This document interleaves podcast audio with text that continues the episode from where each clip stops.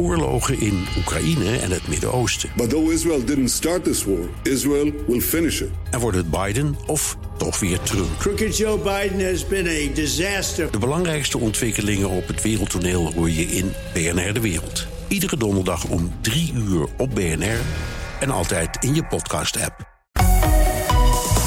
BNR Nieuwsradio.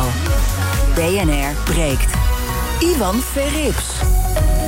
Goedemorgen en welkom bij BNR Breekt, de perfecte onderbreking van je werkdag. Vanaf half twaalf praat ik traditiegetrouw over het nieuws van de dag... over Amazon dat jaarlijks miljoenen producten blijkt te vernietigen... en over de miljarden die volgens minister Ollongren nodig zijn voor de woningbouw.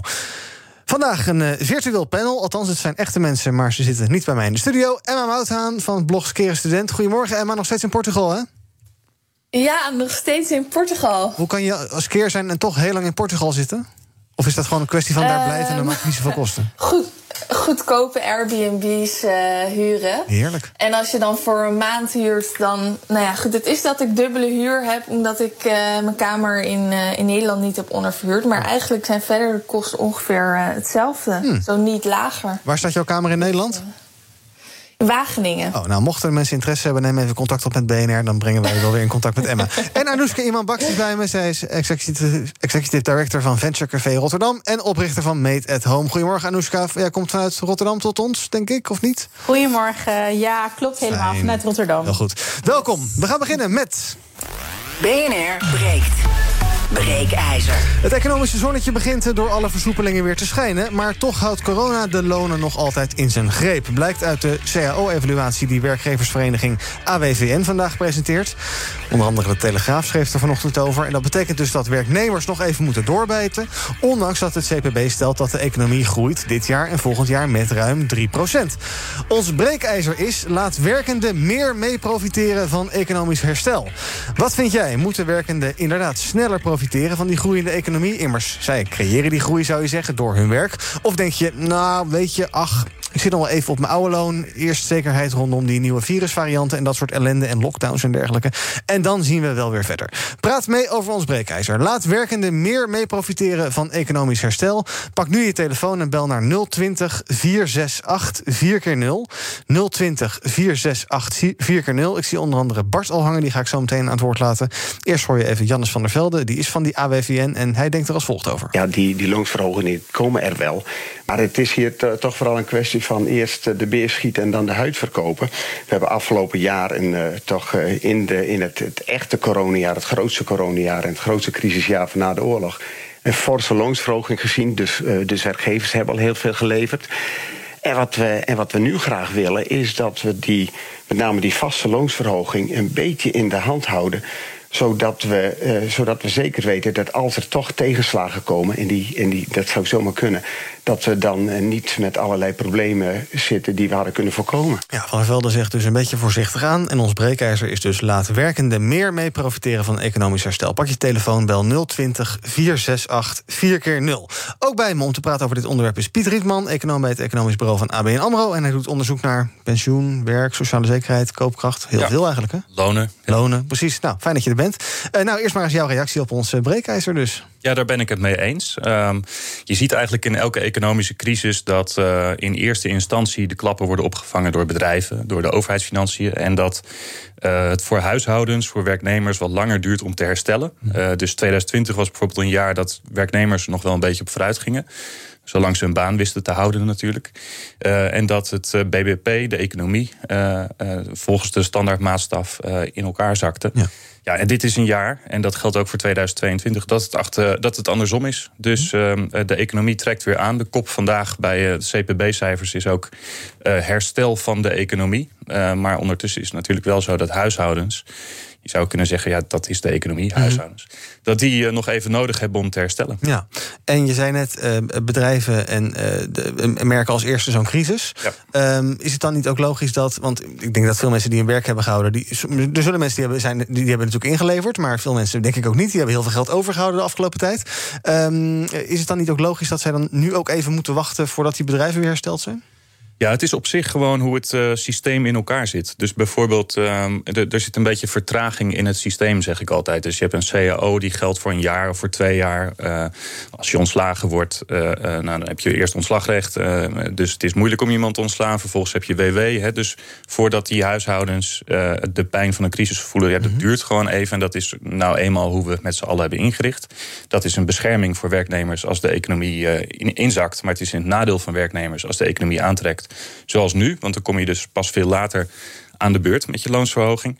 Um, maar het zou wel gunstig zijn als we in een opgaande economie uh, kijken hoe we sneller dat ook bij huishoudens laten landen. Want die huishoudens, ja, die consumeren en uh, die kunnen helpen bij het aantrekken van de economie. Nou, we gaan zo verder praten over de details. Um, eerst ga ik een rondje mijn panel doen en dan uh, een paar bellers aan het woord laten. Anoushka, laat werkenden meer mee profiteren van economisch herstel. Wat vind jij? Zou je ook wel willen dat je portemonnee wat voller zat nu het beter gaat?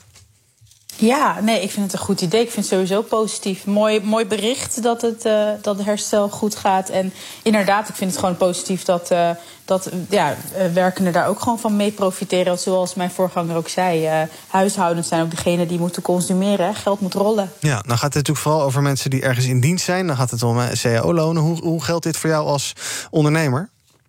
Ja, nou ja, ik vind het wel interessant om dan te zeggen van... Um, kijk, loonsverhoging is één deel. Ik heb natuurlijk uh, mensen in dienst en uh, um, uh, ik, ik heb het ook wel eens over gewoon secundaire arbeidsvoorwaarden. Hè? Wat heb je nodig? Wat heeft corona met jou gedaan? En zou je een paar dagen extra vrij willen hebben? Of zou je een, een toffe cursus willen doen? Je kunt mensen natuurlijk ook op andere manieren stimuleren en belonen. Hè? Ja. Dat weer ten goede komt aan. Ja, en wat dan dus niet keiharde euro's kost misschien. Emma, um, laat werkenden meer mee profiteren van economisch herstel ja, als je eens keer een student bent, dan is elke, elke half procent erbij natuurlijk feest. ja, nee, ik, uh, het lijkt mij een heel goed idee. Ik bedoel, wat ik vooral heel belangrijk hieraan vind, is dat zeg maar de mensen in nou ja, de slechtst betaalde baantjes bij grote bedrijven, dat die ook eens een keer gaan mee profiteren. Mhm. En dat zie je ook gewoon um, bijvoorbeeld in dat nieuwsbericht dat ik dan vanochtend hierover had gelezen zei die uh, directeur van uh, de werkgeversvereniging, zei van ja, afgelopen jaren hebben we een gemiddelde stijging gehad van 1,7% per jaar van de lonen. En dat is een prima stijging. Terwijl ik denk, ja, weet je, de ECB gaat uit van een inflatie van 2% per jaar. Dat betekent dus dat die werkgevers er eigenlijk helemaal niet 1,7% per jaar op vooruit gaan, maar 0,3 procentpunt erop achteruit gaan. dus waar hebben we het dan over? Dit, dit, ja, dit is helemaal niet prima. Nee. Piet, wil je daar eens op reageren? Ja, we zijn het wel eh, erg met elkaar eens in deze uitzending. Oh, wacht, wacht dan even, dan heb ik iemand die het met je oneens is. Fred, goedemorgen. Goedemorgen met Fred van der Laren den Bos. Hallo, zeg het maar. Ik vind dat we even een pas op de plaats moeten maken. Want het midden- en kleinbedrijf, het bedrijfsleven is een belastingsschuld van 16 miljard. Mm Moeten ze nog meer beginnen terug te betalen. De, de, de regering heeft uh, dit jaar voor en vorig jaar zo ongeveer zo'n 65 miljard gezamenlijk uitgegeven. Er zijn diverse MKB-bedrijven. Als ik dan kijk in mijn winkelcentrum in Den Bosch, de Rompert, zes uh, panden, winkelpanden leeg uh, gekomen door de coronacrisis. We moeten even een pas op de plaats maken. Dit kan niet zo. En dan hebben we ook nog het onderwijs, waar extra geld naartoe gaat in verband met coronasteun. Dus we moeten even voorzichtig zijn. Ja, nou dat is eigenlijk ook een beetje wat Van der Velde zegt. Uh, ja, eerst maar eens realiseren en dan, uh, dan pas de, de, de vruchten daarvan plukken, Piet. Maar... Ja, ik, ik, snap, uh, ik snap die opmerking. En zeker voor individuele bedrijven of sectoren kan het zo zijn dat het nu heel moeilijk is om een loonsverhoging uit te betalen. Alleen uh, is het ook wel zo dat voor de hele economie is het wel nodig dat om die bedrijven die omzetten te laten draaien die ze nodig hebben om hun schulden af te betalen, uh, is een algemeen hoger loonpeil in heel Nederland uh, nodig. Mm -hmm. Wat je normaal gesproken ziet in, in Nederland is um, een, uh, dat de lonen zo tussen de 2 en de 3 procent per jaar uh, stijgen. Of dat is tenminste als, het, als de economie aantrekt. Dat zagen we in 2019, 2020. Ja, dat is genoeg om de inflatie voor te blijven. Ja. En dat is toch echt ook wat je minimaal nodig hebt om, om, om een, een, een economie uh, draaiende te houden die niet, um, die niet zichzelf ondergraaft. Hè. Te lage lonen kunnen uh, het verdienmodel van bedrijven aantasten. Ja. Dus je hebt minimaal die, die normale bandbreedte in de Nederlandse economie van 2 tot 3 procent nodig. Als je wil, wil dat de ongelijkheid ook nog eens afneemt, ja, dan moet het nog hoger zijn, 4 tot 5 procent. Bart, goedemorgen. Oh, sorry Sorry, ik haal je even van de luidspreker. Ja, dat is verstandig. Goedemorgen, mijn excuses. Ja, ik was uh, aan het werk. Ik ben uh, ambulances aan het reinigen voor de GGD via de WSW. Vertel. En ik wil uh, kort even reageren op de stelling. ik ben het er in principe mee eens dat het bedrijfsleven in principe de ruimte moet krijgen om te herstellen en de juiste maatregelen daarvoor genomen moeten worden. Hm. Ik maak mij als FNV-lid natuurlijk wel heel ernstig zorgen over de achterban in de WSW. wij zitten al een poosje te wachten op een nieuwe CAO. Sommige van onze mensen hebben het heel moeilijk gehad. Misschien is het bij jullie ook bekend dat er voor het eerst ook weer een minimumloon is voor mensen die via een ander traject bij ons binnenstromen. Vroeger had je een vast contract, tegenwoordig gaat dat op een wat lossere basis. En die hebben uh, tegenwoordig ook een CAO. En waar het mij om gaat is, onze doelgroep heeft heel harde klappen moeten vangen in gedeelte. Net zoals ik heeft meegevochten tegen corona. Ja. En een ander gedeelte heeft thuis gezeten. En voor deze doelgroepen, deze kwetsbare mensen, moeten passende maatregelen worden genomen. Dus ik ben een voorstander van dat aan de ene kant uh, bedrijven de ruimte krijgen om te herstellen. Aan de andere kant denk ik bijvoorbeeld aan loonmaatregelen, maar ook net zoals Emma aanhaalt. Uh, ja, ondersteunende maatregelen om onze doelgroep uh, er weer bovenop te helpen. Want sommige mensen hebben er doorheen gezeten. Ik ben bijvoorbeeld heel erg depressief geweest. Mm -hmm. en, maar, maar nu weer aan het werk dus? Ja, ik ben, uh, ben wel aan het werk gebleven, maar mijn werk heeft me er echt doorheen gesleept. Ja, mooi hoe dat positief ook uit kan pakken. Fijn. En jij zegt dus van ja, uh, het is wel tijd om, uh, nou ja, om wat zekerheid te bieden aan die mensen en wat, en, wat, en, wat, en wat erbij te doen als het kan. Ja, als dat kan, of anders uh, goede maatregelen te nemen om deze mensen een beetje te laten herstellen en bij te laten komen. Daar ben ik ook niet zo uh, op tegen. Ik denk dat het een beetje van beide is. Duidelijk, dankjewel. Bart, wil je ook reageren? Pak nu je telefoon en bel 020 468 4x0. Ons breekijzer is laat werkende meer mee profiteren van economisch herstel.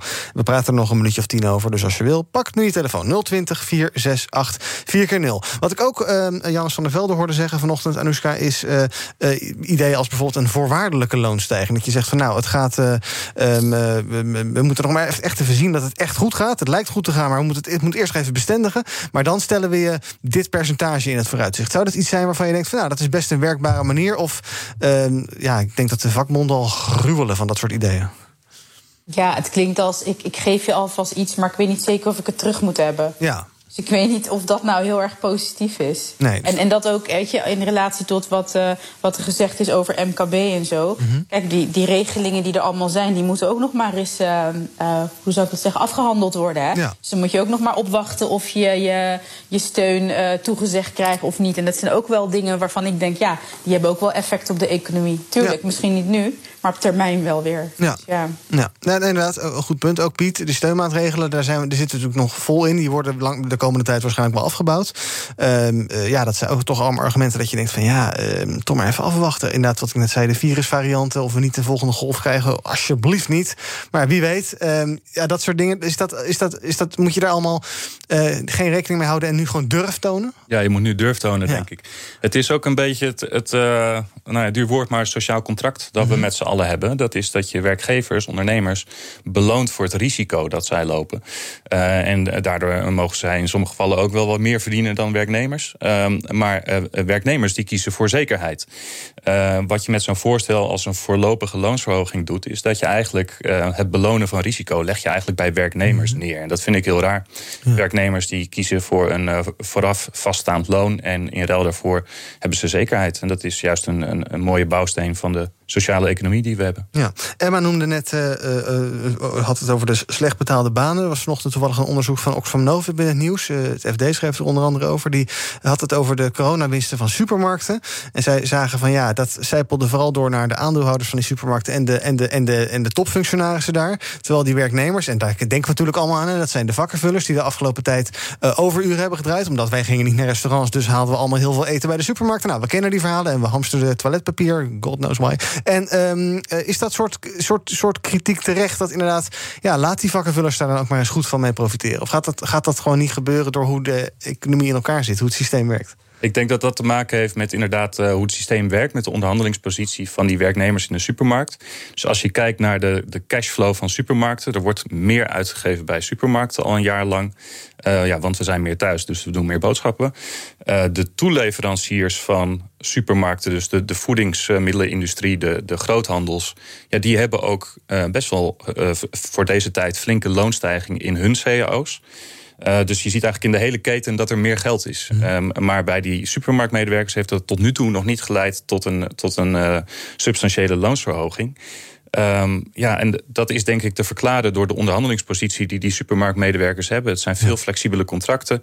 Het is minimum jeugdloon, wat echt uh, behoorlijk laag is in Nederland. En uh, ja, dan ben je een jongere van 17 en voor een paar euro per uur werk je een halfjaartje, ga je weer wat anders doen. Nou, dat zijn niet werknemers die met de vuist op tafel kunnen slaan, want uh, ja, voor jou tien anderen. En um, dat soort inwisselbare arbeid leidt er, leidt er ook toe dat de lonen laag blijven. Ja. En maar heb je daar ideeën over, over wat, nou, bijvoorbeeld die supermarktmedewerkers uh, ja, zouden kunnen doen. Ik geloof dat er wel eens iemand is geweest die uh, op, de, op een aandeelhoudersvergadering van Ahold Delhaize... Een, een, een, een, jongen van weet ik veel, 15 of 16 daar is daarheen gegaan en die zei wat... ja, het maakt niet, zet allemaal niet heel veel zoden aan de dijk?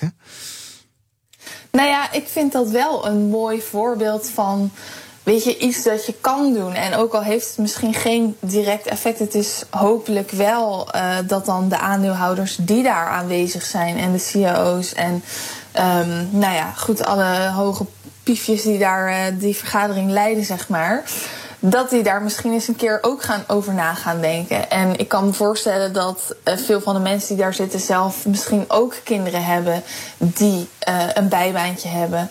En ja, als je er dan achter komt dat jouw kind van uh, 16, 17 voor 2 of 3 euro per uur gewoon legaal aan het werk is voor een groot bedrijf. Ja, ik kan me voorstellen dat dat misschien toch ook wel uh, ja, ergens in je achterhoofd een beetje gaat knagen. En dat je aan de hand daarvan misschien probeert uh, ja, daar in je eigen bedrijf ook iets aan te doen. Ja. Goed, misschien ga ik dan te veel uit van het goede in een mens. Ja, het zou me niks verbazen inderdaad. Um, uh, de werkgevers die hebben dus allerlei argumenten om de boot een beetje af te houden. Is dat ook gewoon, um, is dat, uh, Piet, is dat alleen maar, vinden ze dat principieel? Of is het ook gewoon een soort ja, messen slijpen met de vakbonden? Want ze zien natuurlijk die in hun ogen rare FNV alweer aankomen met 5% eisen en dat soort gekkigheid.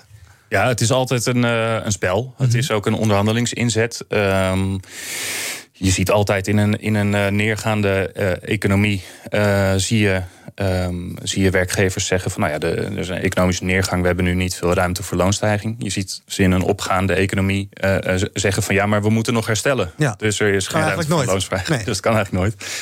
Um, en vakbonden hebben de omgekeerde argumentatie. En in beide gevallen is het geen economische analyse, maar is het gewoon een onderhandelingsinzet en die je ook zo moet beoordelen. Uh, wat we in ieder geval weten is dat uh, ja, in Nederland om de inflatie uh, voor te blijven, hebben we toch echt gewoon een substantiële loonstijging 2 tot 3 procent nodig. Ja. Nog ietsje meer, zoals ik al zei, als je ook wil dat de ongelijkheid weer wat dichtgroeit. En ja, daar zitten we nu nog niet. Dus um, daar is nog wel, zijn nog wel stappen te zetten. Um, en ik denk dat de markt dat ook niet geheel in zijn eentje op kan lossen. Dus het CPB komt vandaag met een raming waarin de lonen pas in 2024 pas weer tussen die 2 en 3 procent zitten. Dat gezonde minimale niveau. Uh, dat is uh, een, een, behoorlijke periode, ja. 2024 tot drie jaar van nu. Dus uh, ik zou zeggen dat in de tussentijd ook wel beleid nodig is om die lonen aan te jagen. Dus minimumloon omhoog, uh, flexibele arbeid aanpakken, zoals mhm. nu in het, in het, advies van de SER ook wordt voorgesteld. Dat zijn maatregelen die de lonen eerder dan 2024, uh, misschien al in 22 of 23, op het ja, benodigde minimale niveau kunnen krijgen. Ja, en daar hebben we dus echt de, de politiek voor nodig. Het heeft niet zoveel zin om daarvoor met spandoeken naar het Malieveld te, te trekken. Met, uh... Nou ja, de, de lonen stijgen als de onderhandelingspositie ja. van, van werknemers sterk is. En ja. ja dat kan de markt zijn. Mm -hmm. uh, en doordat er arbeidsmarktkrapte is, er zijn weinig andere sollicitanten, ja, dan is je positie sterk. Het kan ook de overheid zijn die het minimumloon verhoogt. Dat versterkt de positie van werknemers. Maar ook ja, vakbonden en als meer, meer mensen daar lid van zijn, ja, dan wordt ook de positie van werknemers sterker. Ja. Wat vind jij van het idee, wat onder andere net ook Anoushka zei, van ja, we moeten er ook eens gaan kijken naar uh, secundaire arbeidsvoorwaarden. Is dat een beetje een doekje voor het bloeden, een soort schijn, schijn, schijn toegift van de werkgevers? Of is daar oprecht, ja, is dat een alternatief voor keiharde euro's en is dat een goed alternatief voor keiharde euro's erbij? Ja, dat is wel, dat is wel interessant. Um, je ziet, je ziet in, in veel landen op dit moment. Hè, dus bijvoorbeeld als je naar de VS kijkt, daar, daar trekken de lonen nu al uh, wat, wat sneller aan dan in Nederland. Dus het loopt een beetje voor op ons. Ook qua vaccinaties lopen ze voor, dus het gaat allemaal wat sneller daar. Ja, daar zie je dat in best wel wat sectoren uh, werknemers zeggen van nou, ik wil wel weer terugkomen, maar uh, ik wil dit of dat ervoor terug. En dit of dat is dan niet een loonsverhoging, maar is gewoon uh, goede secundaire voorwaarden. Of ja, mijn, mijn werk moet gewoon leuker zijn. Of ja. ik moet zelf invloed kunnen hebben op mijn rooster. Of, dus het kan van alles zijn. En uh, ja, hoe krapper de arbeidsmarkt. Dus hoe ehm, eh, minder sollicitanten per vacature, ja, hoe meer die werknemers dit soort eisen kunnen gaan stellen. En maar kan jij het je voorstellen dat je inderdaad denkt van nou ja, eh, als er geen euro's bij kunnen, dan maar eh, nou, misschien wil ik een opleiding doen of eh, inderdaad eh, meer flexibiliteit in mijn werk. Is dat, want ja, daar betaal je de boodschappen niet mee natuurlijk. Nee, maar het kan wel, eh, zeker als je nog een beetje aan het begin van je loopbaan staat, eh, nog nuttiger zijn eigenlijk dan 5, 10 procent loonsverhoging. Ja, want dan word je ge- gestimuleerd om echt iets zinnigs te doen in plaats van dat je elke avond uit eten gaat, wat ook heel leuk is. Eh, nou ja, dat niet per se, maar meer, weet je, als je een opleiding doet, dan verhoog je natuurlijk je eigen kennis, de waarde die je kan toevoegen aan een bedrijf en nou ja, wat je waard bent voor je werkgever. Dus eh, als je eenmaal eh, die cursus of die studie of whatever hebt gedaan, dan heb je daarna weer een heel goed handvat om te zeggen van, nou ja, ik, ik kan nu dit en dit en dit meer of beter of sneller. Ehm, dus ik denk dat op termijn, eh, nadat, eh, weet ik veel, meestal heb je zo'n periode van, nou ja, je, je doet dan een cursus en dan ben je verplicht bijvoorbeeld om nog twee jaar te blijven of zo. En dat je dan na die twee jaar zegt van, oké, ik wil nu echt een hoge, een grote sprong maken, zeg maar, qua salaris. Of ik ga gewoon op zoek naar iets anders, weet je wel. Ja. En dan, nou ja, vanuit daar kan je dan natuurlijk gaan- meer gaan onderhandelen van, ja, wat je dan wil verdienen. Ja, dus kan, het, is, het is zeker geen weggegooid, eh, weggegooide mogelijkheden, secundaire arbeidsvoorwaarden. Twee vragen nog, Piet, eh, voordat we met het half uur sluiten. Ehm, eh, de werkgevers die beklagen zich over dat de afgelopen jaren de loonstijgingen best wel fors waren, vonden zij. Ehm, gemiddeld loonstijging 3% vorig jaar, geloof ik. Grootste stijging in 12 jaar volgens het CBS. Ehm, hebben ze daar een punt of is het een beetje zielig eh, gehuil? ze, hebben daar een, eh, ze hebben daar een punt. Uh, bijvoorbeeld 2020 uh, zaten op een gegeven moment in sommige maanden zaten de CAO-loonstijgingen boven de 3%. Dat is inderdaad hoog. Um, waar die uh, werkgevers wel rekening mee moeten houden, is er gebeurt van alles buiten om de CAO-loonstijging. Dus je hebt ook een totale loonstijging waarin zit dat mensen meer of minder uren gaan werken, dat mensen een wat hoger of een wat lager startsalaris krijgen, de arbeidsmarkt betreden of er weer afgaan. Dus als je al die componenten meeneemt, dan krijg je een lagere loonstijging dan die 3% waar de werkgevers Nee. graag naar uh, verwijzen. Dus dat vertekent een beetje. Ja. Die cijfers van vandaag van het CPB die, uh, zijn dus uh, gunstiger dan hun vorige raming. Ehm, de, de, dit jaar groeit de economie en volgend jaar ook met ruim 3%. ook wel logisch omdat we vorig jaar natuurlijk flink gedaald zijn. De 3,7% geloof ik. Hebben die cijfers jou verbaasd? En hoe verklaar je dat de economie blijkbaar zo veerkrachtig is? Ja, uh, het, heeft mij, het heeft mij niet heel erg verbaasd. Uh, ja, het is altijd, wij maken zelf ook ramingen. Mm. Dus dan is ja. het altijd leuk om te kijken waar je dan een half procentje. Nou, we zitten wel redelijk, we zitten wel redelijk goed. heel goed. We zitten wel redelijk goed. Ja, ja zeker met BBP-groei. Dat ben ik dan weer niet, uh, niet zelf, maar dat doet een collega van mij primair. ja, dat, dat zit heel goed. En werkloosheid hadden we ook gelijk. Ja, en bijvoorbeeld ja, koopkracht. Het is ook jammer soms om gelijk te krijgen. Want dat die koopkracht inderdaad daalt volgend jaar, dat is, uh, nou ja, dan, dan heb je gelijk met je raming. Ja. Maar uh, dat betekent dat huishoudens erop achteruit gaan. Ja, dus dat, dat is door die inflatie. Ja. ja. en die andere vraag dus, hoe verklaar je dat de economie zo veerkrachtig is en dat het, dat het blijkbaar zo goed herstelt? Waar zit hem dat in?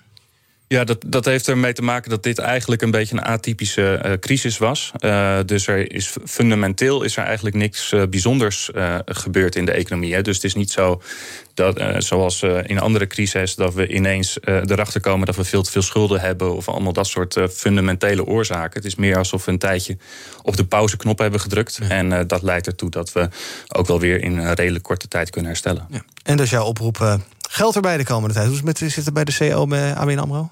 Ja, wij hebben, wij hebben een beetje geluk gehad. Ja. Want uh, uh, wij hadden een CAO voor 2020 en 2021. Ah, kijk. Dus daar zat het, het effect van de coronacrisis uh, nog niet in. Nee. En nu eh, wordt er onderhandeld over eentje vanaf 2022. Ja, ben heel benieuwd. Dankjewel, Pieter Rietman, econoom bij het Economisch Bureau van ABN AMRO. En zometeen in het tweede deel van BNR Breekt praat ik met mijn panel verder over onder andere Amazon... dat jaarlijks miljoenen pro uh, producten gewoon hop, de shredder in gooit... omdat ze het niet verkocht krijgen. En over toch wel duizelingwekkende statement, statements van de UEFA. Zometeen in het tweede deel van BNR Breekt. Tot zo.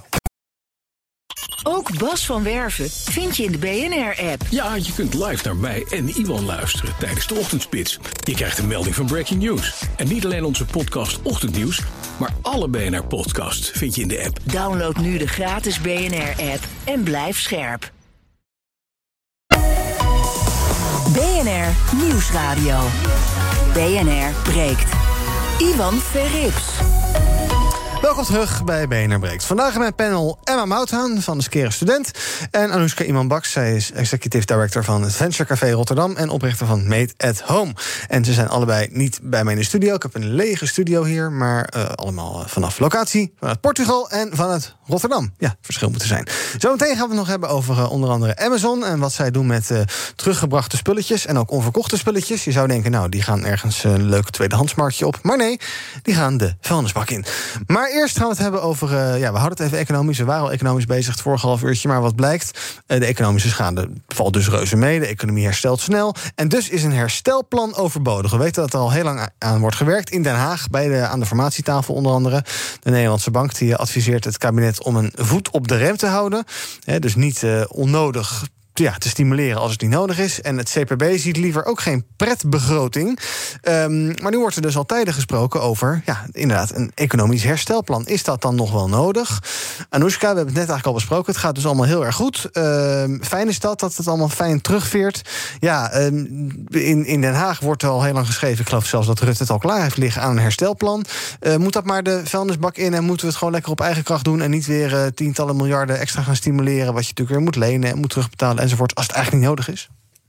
Ja, ja ik, ik vind de herstelplan sowieso geen, uh, geen goede keuze als het gaat om het woord. Ik denk dat we een toekomstvisie nodig hebben. En, uh, en dat het verhaal van hè, terug naar normaal, dat, uh, dat gaat hem ook niet worden. We mm -hmm. moeten vooral kijken wat er nodig is. Dus waar, in welke sectoren is er wat nu nodig? En uh, dat is denk ik ook wel belangrijk voor die formatieonderhandelingen. Maar herstel, ja kijk, de, we hebben net al gehoord, de economie herstelt zichzelf dan wil ik nog wel even aangeven dat wij de mensen, hè, wij vormen de economie. Dus mm -hmm. ik vind het ook uh, een schouderklopje naar iedereen die deze hele coronacrisis is doorgekomen of nog steeds struggelt. En vandaar ook mijn pleidooi voor secundaire arbeidsvoorwaarden. Want volgens mij hebben we allemaal geleerd dat we ook op een andere manier zeg maar, naar ons leven moeten kijken dan alleen maar uh, hè, uh, geld en, uh, en dat soort zaken. Ja. Maar uh, ja, nogmaals, ik, ik, ik, wil een toekomstvisie hebben. Ja, ja. liever dat dan uh, een plan waarbij we in een paar jaar uh, de economie er bovenop gaan helpen, die dat dus zelf al wel doet.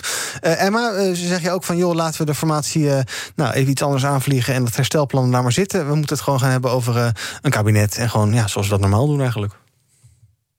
Ja, ik denk dat, uh, dat gewoon die formatie snel regelen, dat dat even prioriteit heeft. Mm -hmm. uh, ja, ten opzichte van zo'n herstelplan. Of het nou helemaal van de baan moet gaan. I don't know, dat, dat vind ik lastig, want het hangt natuurlijk van zoveel dingen af. Dus dat, uh, dat laat ik liever aan de experts over. Ja, nou ja, ik las wel vanochtend in het AD al dat alle formerende partijen die dan nadenken over zo'n herstelplan, die komen vooral met hun eigen stokpaardjes. Dus dan gaat het ja. bij D66 natuurlijk een onderwijs. En PvdA heeft het over de cultuursector. VVD wil geld voor het bedrijfsleven. Ja, dat is natuurlijk geen, uh, geen, geen groot herstelplan nee. met allemaal grootse gedachten erachter. Nee, dat is gewoon een soort naar voren halen van plannen die je toch al had. Ja, als het zo moet. Ja, ja, ja, precies. Dan hoeft dat voor jou ook niet. Nou, eh, hoogleraar economie Lex Hoogduin zegt in de krant ook... joh, zo'n herstelfonds als niet nodig is... dan kan dat zelfs schade toerichten. De economie zou zomaar oververhit kunnen raken. En dan voeg je onnodig overheidsschuld toe. Niet doen dus. Anoushka, jij zegt... ik heb vooral behoefte aan, uh, aan grotere ideeën en uh, verder weg perspectief. Waar, in welke, welke richtingen uh, moet je dan denken? Is dat bijvoorbeeld sectorgericht? Of is dat... Stel dat jij zelf een eerste introducerend alineaatje, alineaatje daarvoor mocht schrijven. Waar, waar, waar, waar, waar, waar kom je dan op Ja, ik zou dan toch kijken naar inderdaad de sectoren waar, uh, waar de meeste klappen zijn gevallen, om het maar zo te zeggen. Maar het gaat toch vaak om onderwijs, uh, het MKB, ja. ondernemerschap, klimaat, cultuur. Dat zijn toch wel de, de bekende uh, uh, industrieën maar, of sectoren. Maar ik denk, ja, kijk, een herstelplan. Het is sowieso goed om plannen te maken. Mm -hmm. Maar ik, ik, verwacht nu ook gewoon uh, een toekomstvisie van: oké, okay, waar is nu wat nodig? En volgens mij weten we dat allemaal wel. Ja. Alleen ja, de formatie dat gaat voornamelijk vaak wel inderdaad over allerlei verkiezings stokpaardjes. Dat Ja. is vaak wel zo. Nou, echt aan de slag dus, inhoudelijk dus. En eh, dat herstelplan wat ons betreft kan naar de vuilnisbak. Ander nieuws van vandaag dan. De grootste webwinkel ter wereld, eh, Amazon... die momenteel zijn Prime Days heeft... waarbij je dus allerlei leuke spulletjes kan goedko- kopen voor, eh, voor goedkoop... Ehm, vernietigt in het Verenigd Koninkrijk alleen al jaarlijks miljoenen nieuwe producten. Blijkt uit onderzoek van ITV. En dat zit hem een beetje in het bedrijfsmodel. Het is echt intended, het is zo bedoeld. Andere bedrijven die hun spullen via Amazon verkopen... die betalen om die producten dan in de distributiecentra op te slaan. En hoe langer die blijven liggen, hoe meer Amazon rekent voor de opslag. En dan na een tijdje dan blijkt het voordeliger te zijn... om die gloednieuwe producten, die blijkbaar niet eh, te verkopen... om die in de shredder te gooien. Nou, eh, kostentechnisch eh, klinkt dat als een fantastisch logisch verhaal. Maar ik heb toch een beetje het idee, Emma... dat, dat, dat er hier toch iets niet helemaal in orde is. Ja, ik vind dit echt schandalig. het is zo slecht voor het milieu. Weet je, het is zo zonde. Al die producten zijn gewoon prima. En weet je, als we het dan hebben over de milieuschade, je hebt ook nog heel veel mensen die die producten gewoon heel goed kunnen gebruiken. Dus ook vanuit sociaal perspectief is het gewoon echt niet oké, vind ik. Nee. Dus ik hoop echt heel erg dat hier wetten voorkomen dat dit gewoon niet mag.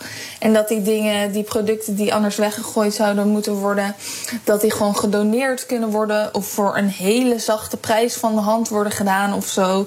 Maar weggooien of recyclen of wat dan ook. Nee, ik vind dat echt niet oké. Ja, maar ja, als Amazon zijn producten gaat weggeven... dan is natuurlijk het verdienmodel van Amazon verdwenen. Ja, precies. Maar ja, je, je kan het opzetten als een soort van voedselbank-idee, weet je wel. Dat, dat alleen bepaalde mensen in bepaalde eh, inkomstenklassen bijvoorbeeld dat mogen kopen. Hoe dat dan gericht moet worden, daar ga ik me niet aan wagen. Maar ehm, weet je, op zo'n manier zal het ook niet verder het imago van zo'n merk beschadigen of zo. Want dat wordt ook nog wel eens aange eh, dragen als reden om het dan te vernietigen in plaats van te verkopen voor een lagere prijs. Maar ja, ik vind gewoon dat het vanuit klimaat eh, oogpunt gewoon niet meer kan. En Nee. ook sociaal. Het is gewoon, het is gewoon echt zonde. Nee. Ik, eh, eh, ik weet niet waar ik dat hoorde. Ik geloof vanochtend ergens hier op BNR. En Noeska, iemand die zei... ja, eh, wij moeten ook een beetje de, de hand in eigen boezem steken als consument zijnde. We retourneren als we, we... We kopen vier keer dezelfde stofzuiger in vier kleuren... en dan houden we er eentje en dan sturen we er drie terug. Ja, ehm, eh, d- d- het is natuurlijk niet oké dat dat wordt weggegooid... maar is hier ook een rol voor ons weggelegd als consumenten? Ja, echt, ik ben het daar zo mee eens. Ik denk echt dat wij dit probleem zelf veroorzaken. Wij leven echt in een soort van wereld, of we hebben echt een mentaliteitsverandering nodig als het gaat om hoe we omgaan met spullen en mensen. Maar alles moet toch snel, alles moet goedkoop, alles moet maar online kunnen worden besteld. Je wilt het binnen een dag hebben. Ja. Als je er drie dagen op moet wachten, dan word je al kwaad. Ga je al door eh googlen of doorscrollen naar een andere winkel. Maar aan de andere kant. Ja, maar aan de andere kant hebben we, ons, hebben een grote mond als het gaat om duurzaamheid en, en groen en klimaat. En weet je, mentaliteit, eh, vaak als iets kapot is, dan ben je dus eerder geneigd om iets te bestellen. Want dan heb je er gelijk morgen een nieuwe. In plaats van iets te gaan laten repareren. Ik, ik kan me nog herinneren dat. Ja, misschien ben ik dan weer een beetje oud. Maar dat in de tijd dat als iets kapot was, dan ging je gewoon echt even aan tafel zitten. En dan haalde je het uit elkaar. En dan probeerde je het nog te fixen. Of Ja. had je een onderdelenwinkel. Of dan ging je naar een winkel waar je dan onderdelen kon kopen voor je stofzuiger of koelkast. Ik denk dat we met z'n allen een beetje doorgeslagen zijn hoor. Van alles moet maar. Een beetje die weggooicultuur. dat begrijp- hebben we echt wel zelf veroorzaakt. Ik begrijp dat jij je sokken nog stopt, of dat ook niet? Ja, tuurlijk. Ik weet ook zelf nog hoe je dat moet doen met naald en draad. Mijn oma ja. deed het. Maar doe je het echt of niet? Nee, ik denk het niet, toch? Nee, ik zweer het je, ik doe het.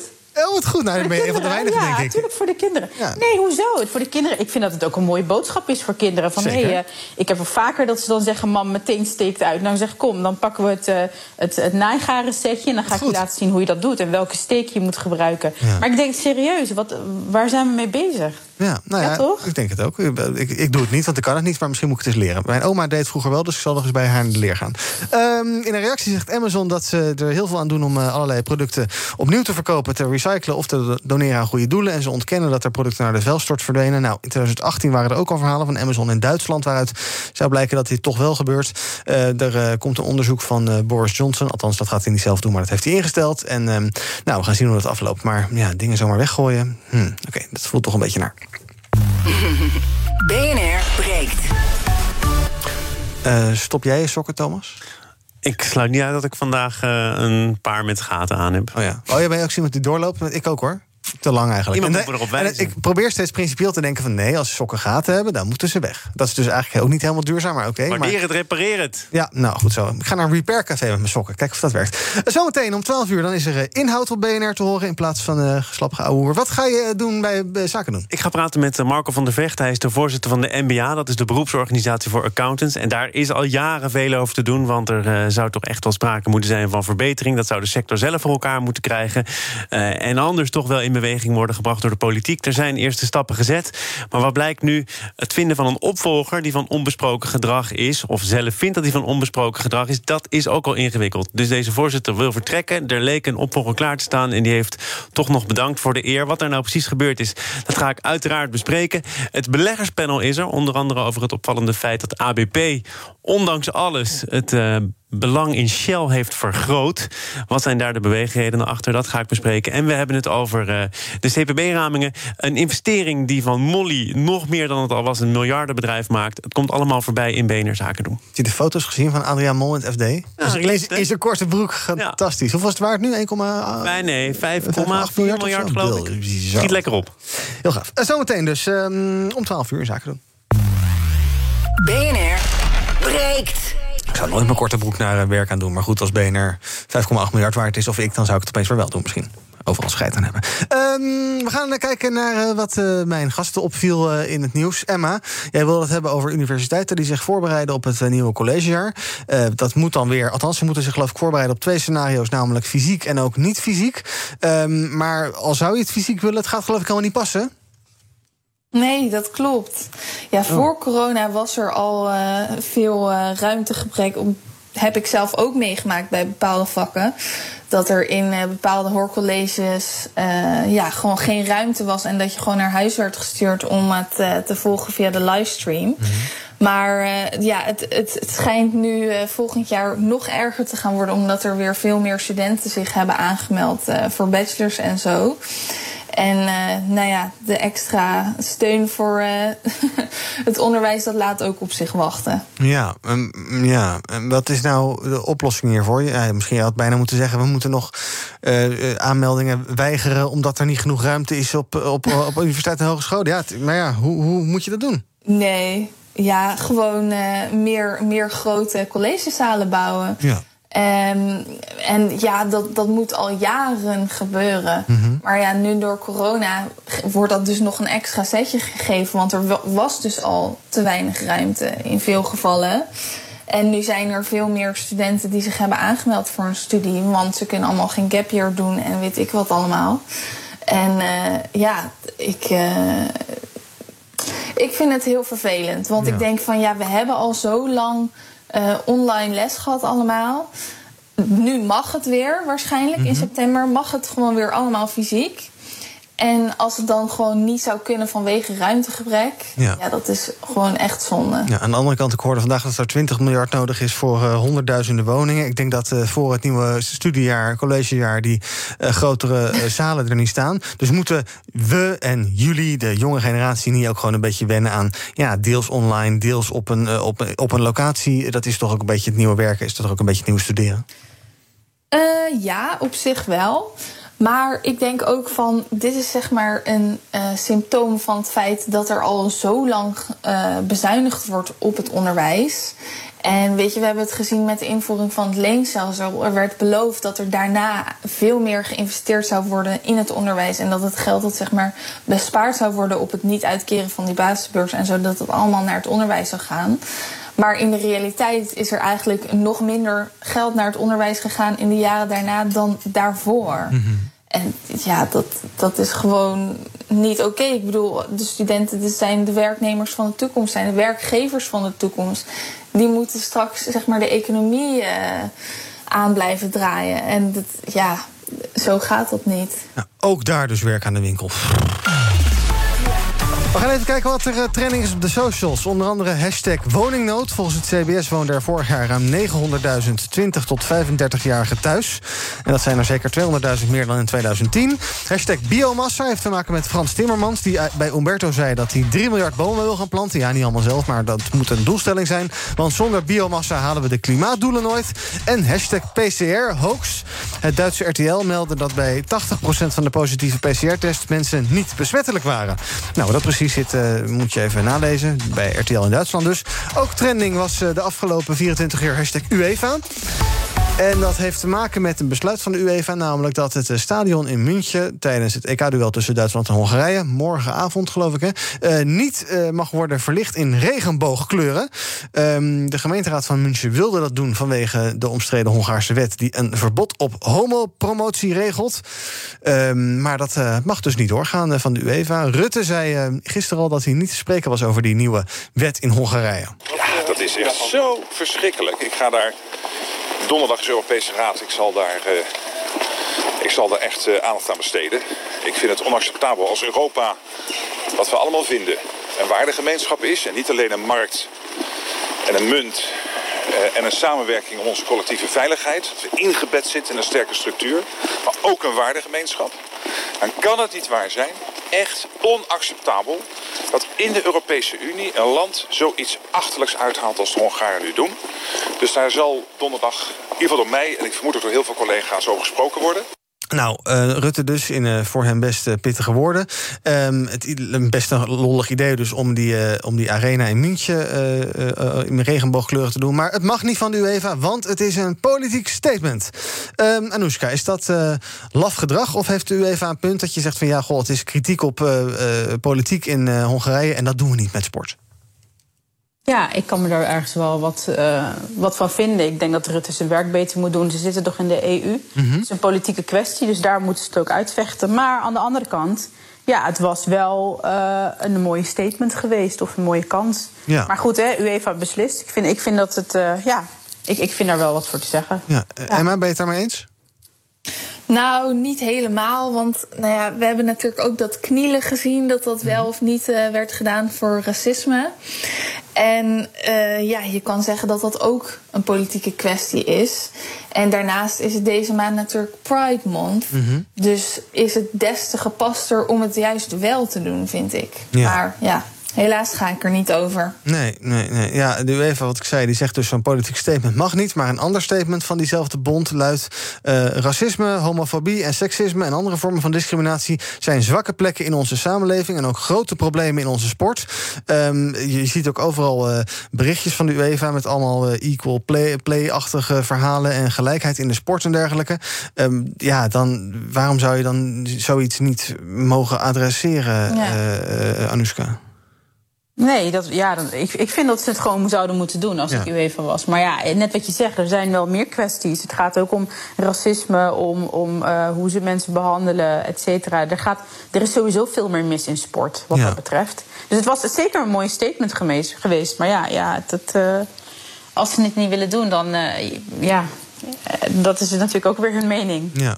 Um, hoe kijken jullie naar wat daar in Hongarije gebeurt? Het is een onderdeel van onze EU-familie. Dus wij zijn, ook, wij zijn ook een beetje Hongarije, laat ik maar even zo zeggen. Een beetje flauw, maar je snapt wat ik bedoel. Um, ja, behalve hier uh, afstand van nemen van dit soort dingen. Hè, want het gaat om wetgeving waarbij dan het verboden wordt om, om homo's te tonen of transgenders te tonen. Om zo jongeren te beschermen tegen informatie over homo's en transgenders. ja, dit is natuurlijk een soort van middeleeuwse-achtige praktijk. Wat kan je er tegen doen, behalve erin uh, woorden zoals Rutte doet afstand van nemen, Emma? Uh, ja, boycotten. Ja. ik ga niet naar Budapest op vakantie in ieder geval. Wat best een leuke stad dus, is. Maar ja.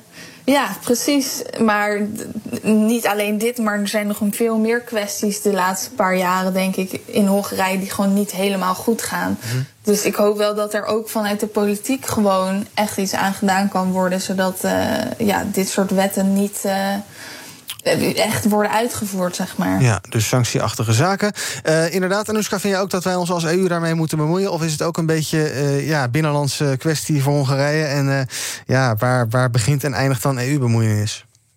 Nee, ik vind het wel goed dat we een politieke statement mm -hmm. aannemen. Maar weet je wat ik zo interessant vind van boycotten?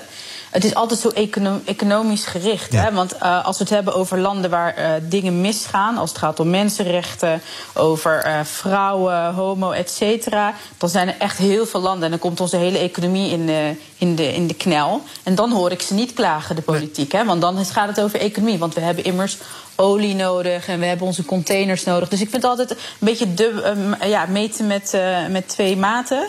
En ik vind het altijd heel erg hypocriet eigenlijk, ja, in die end. We eindigen dit uur een beetje met de inhoudelijke armoede van Europa. Dankjewel, uh, Anushka Iman-Baks, die hoorde je als laatste... van het Venture Café Rotterdam en Made at Home. En Emma Mouthaan van het blog Skeren Student. Einde van uh, deze aflevering van BNR Break dus. Het zou toch leuk zijn als ze bij de gemeente in uh, München... gewoon dat ding alsnog op regenboog zetten. ik zou het wel lachen vinden, kijken wat er dan gebeurt. Morgen ben ik er weer. Tot die tijd kan je ons volgen op de socials. Op BNR, op Twitter, op Instagram, op YouTube, op bnr.nl. En zometeen is hier Zaken doen met Thomas van Zel. Tot morgen.